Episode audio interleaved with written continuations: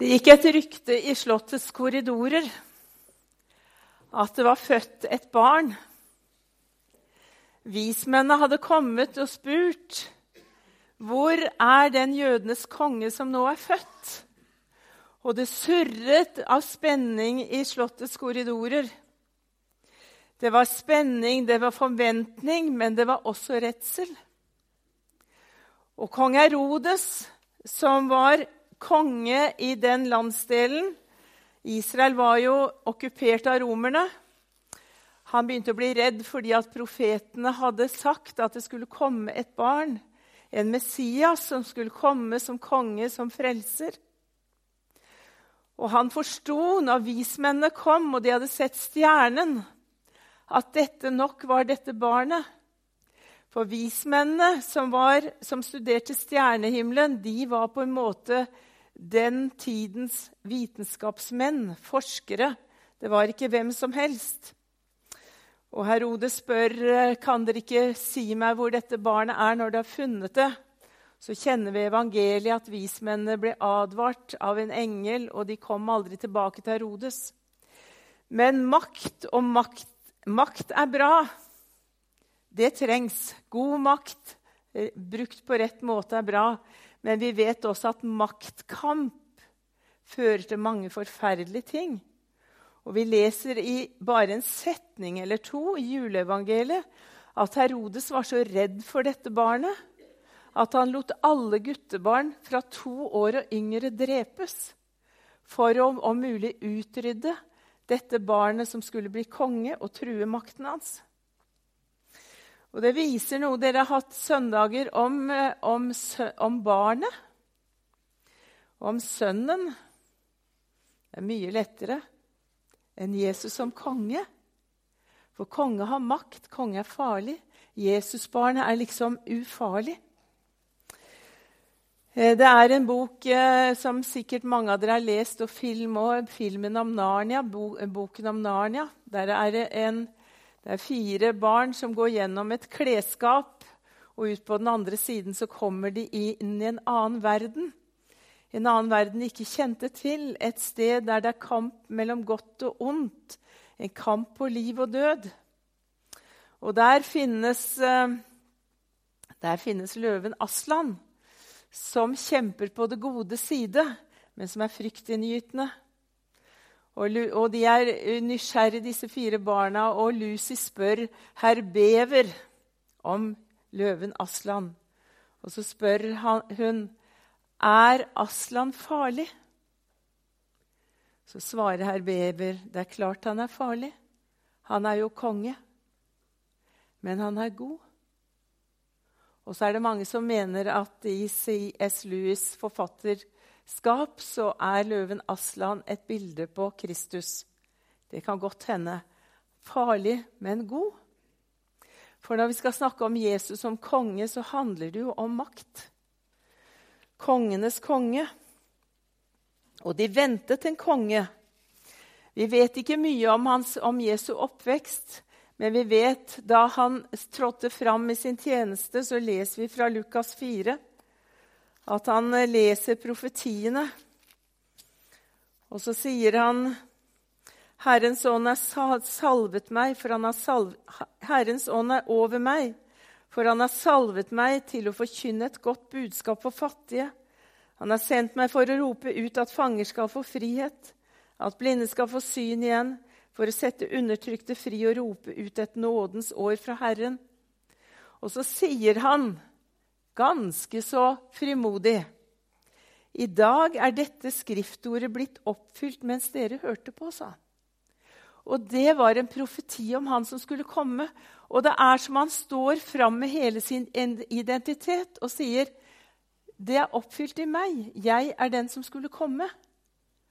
Og likevel, når vi leser evangeliene, så ser vi ikke mye av den forventede konge eh, prakten og makten, på en måte.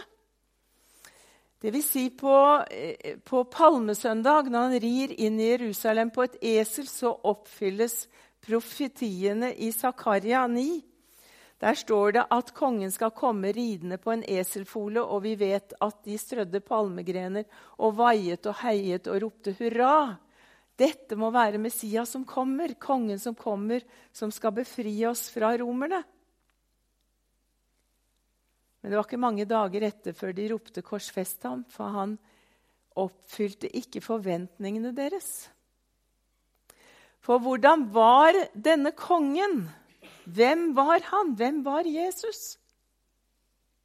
De hadde ventet en som, for, en som fridde dem fra Romerriket. Men han kom på en helt annen måte når de spurte han, hvordan er Guds rike? Så sa han, det er ikke sånn at dere kan se Guds rike. Du kan ikke si 'det er her' eller 'det er der'. For Guds rike er blant dere. Guds rike er inni dere. Og så taler han i lignelser, og det var typisk den kong Jesus. Han talte i lignelser. Og han sier ikke sånn fra A til Å. Sånn er Guds rike. Men han taler i lignelser. Han, han er på en måte et mysterium. Og jeg tenker at det er fantastisk når han er sånn, fordi at da lever ordet blant oss. Vi kan tolke det inn i vår tid. Vi kan tolke det i forhold til vår situasjon, vår livssituasjon. Vi har på en måte ikke fasiten skrevet med to streker under. Men han sier, når de spør hvordan er ditt rike, Gud, er Jesus, hvordan er Guds rike? Ja, la meg se. Det er akkurat som han sier, la meg se, hva skal jeg ligne det med, da? Det er et såkorn det er som et sennepsfrø, det minste av alle frø. Også når det blir plantet i jorden, så vokser det opp og blir et tre der himmelens fugler kan rede, bygge rede. Eller akkurat som man tenker, klør seg litt i hodet og tenker det er som en surdeig. Og nå er det jo moderne å bake brød med surdeig, så nå vet vi godt hva det er. At det er en liten klump med deig som gjennomsyrer hele deigen. Og så taler han om Guds rike som et rike som på en måte er usynlig, men som er virksomt, og som er fruktbart. Det er liksom sånn et rike som trassige gresstrå som vokser opp av sprekker i asfalten, eller som popper opp på uforventede steder. Og Jeg tror det er derfor også det er så vanskelig på en måte å se Guds rike. Så se Guds rike. Hvor er det hen? Det er, det er, ikke noe territorium, det er ikke noen grenser. Det er ikke liksom en trone hvor det står 'Her er det'. Og det sier noe om oss også, for vi kan ikke si at Guds rike er i Stavanger misjonskirke. Guds rike er i Skien misjonskirke, Guds rike, er i, i domkirken i Stavanger. Det holder ikke. For Jesus var en konge som gikk utenfor løypa. Han var en konge som ikke oppfylte de forventningene som politikerne hadde, eller som de religiøse hadde. Han var en konge som på en måte ja, han brakte et nytt rike inn i verden. En makt som ikke skulle være en fasade, som ikke skulle være en, en sånn power, men som var en makt som skulle overvinne mørket og sette mennesker fri og frelse folket fra sine synder. Og det er noe helt annet enn å si at nå skal jeg omgi meg med et hoff han omga seg med tolv enkle menn, så han, han ba dem gi alt for dette riket. Men han gikk inn i miljøer og til mennesker som ikke var liksom Se og Hør-folket. Han gikk inn der det var nød, og han gikk inn der det var fattig. Og han gikk også til riket. Han så til hjertet, for han var opptatt av hjertets velferd. En sånn konge var Jesus og er Jesus. Han reiste opp den falne, han talte sannhet inn i kvinners liv. Han ga nåde til den som hadde gjort feil, og han provoserte de religiøse som trodde de hadde han i en boks. Og Vi kan jo speile oss selv i det. Hva tenker vi om Jesus som konge? Er han på en måte en, eh, en vi bare synger lovsanger om? Det har aldri vært så mange kongesanger som i vår tid. Men tror vi at han er konge? Tror vi at han har makt? Eller hva? Det kan bli et munnhell hvor vi tilber kongen og har en såkalt lovsang hvor vi tenker at vi har på en måte Jesus i en boks. Vi har svøpt ham og lagt ham tilbake i en krybbe. Han er ufarlig. Han er ikke det. Han er farlig. Han er farlig, for han taler til hjertene våre. Han taler til hykleriet vårt. Han taler til late-som-liv, liksom-liv. Han avslører, men han elsker. Han er farlig, men god. Og jeg tenker at eh, Jesu kongsmakt, den på en måte Den begynte i himmelen, for det er der han fikk sin, sin autoritet.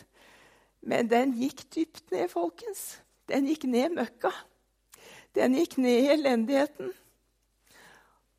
Og jeg tenker at uh, hans makt ble manifestert og på en måte godkjent, stemplet.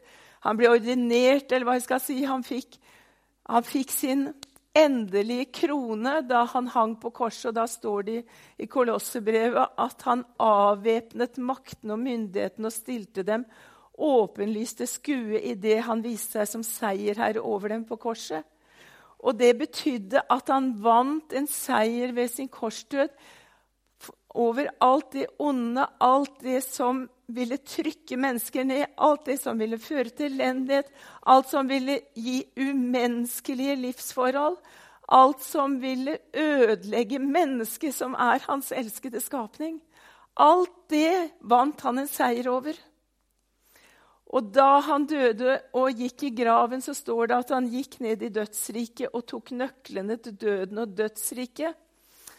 Og det er et dikt av Ylva Eggehorn som, jeg, som, ryster meg langt inn i sjelen. Jeg husker ikke diktet annet enn de setningene. Når hun, at, uh, hun snakker om Golgata, så sier hun til røveren på sin Var det høyre eller venstre side? husker jeg ikke. Røveren på sin høyre side, så sier hun Sannelig, sannelig sier jeg deg, i dag skal du være med meg til paradis.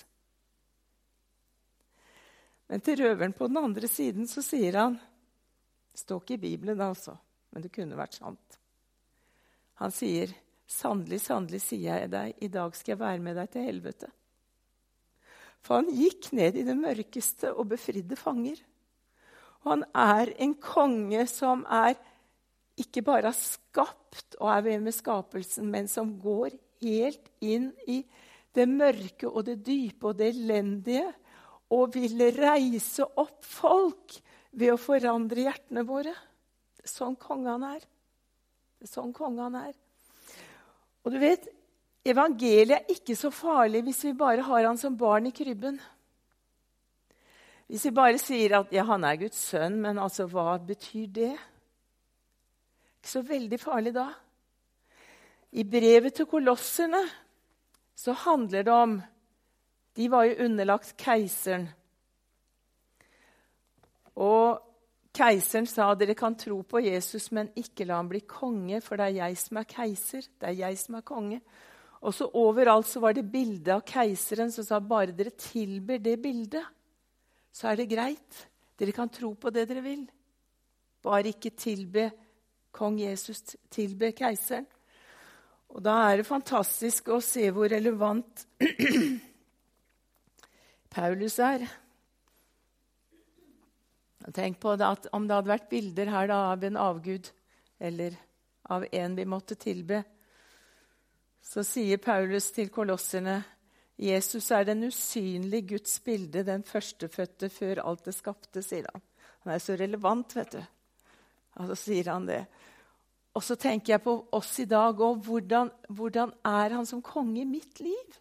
Hvordan er det som konge i ditt liv? Hvilke, hvilke fordommer har, har, du? Hvilke forventninger har du? Er han annerledes enn det du tenkte deg? For vårt bilde av Jesus som konge eller som herre er jo preget av vår egen historie, hva vi har lært, hva vi har opplevd, hva vi, hva vi har på en måte forstått. Og så er han mer enn det. Og så har han en makt til å frelse oss, folkens. Og vet du hva den sterkeste makten i dette kongeriket? Det er hjelpeløsheten. Den sterkeste makt i dette kongeriket er hjelpeløsheten. Ikke en sånn avmakt at jeg ikke kan gjøre noe, men en, en erkjennelse av at vi ikke kan frelse oss selv.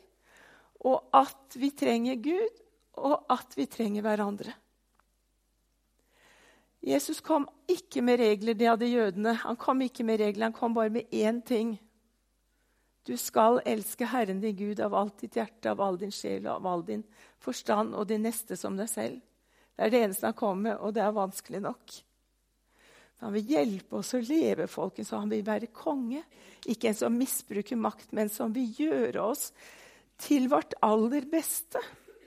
Han vil hjelpe oss til å bli oss selv på det, vårt beste. Og da trenger han at vi legger av fasader og flinkhet som gjør at skuldrene blir helt sånn. For det er ikke farlig å leve et liv med Jesus som konge. For han er god. Han elsker oss.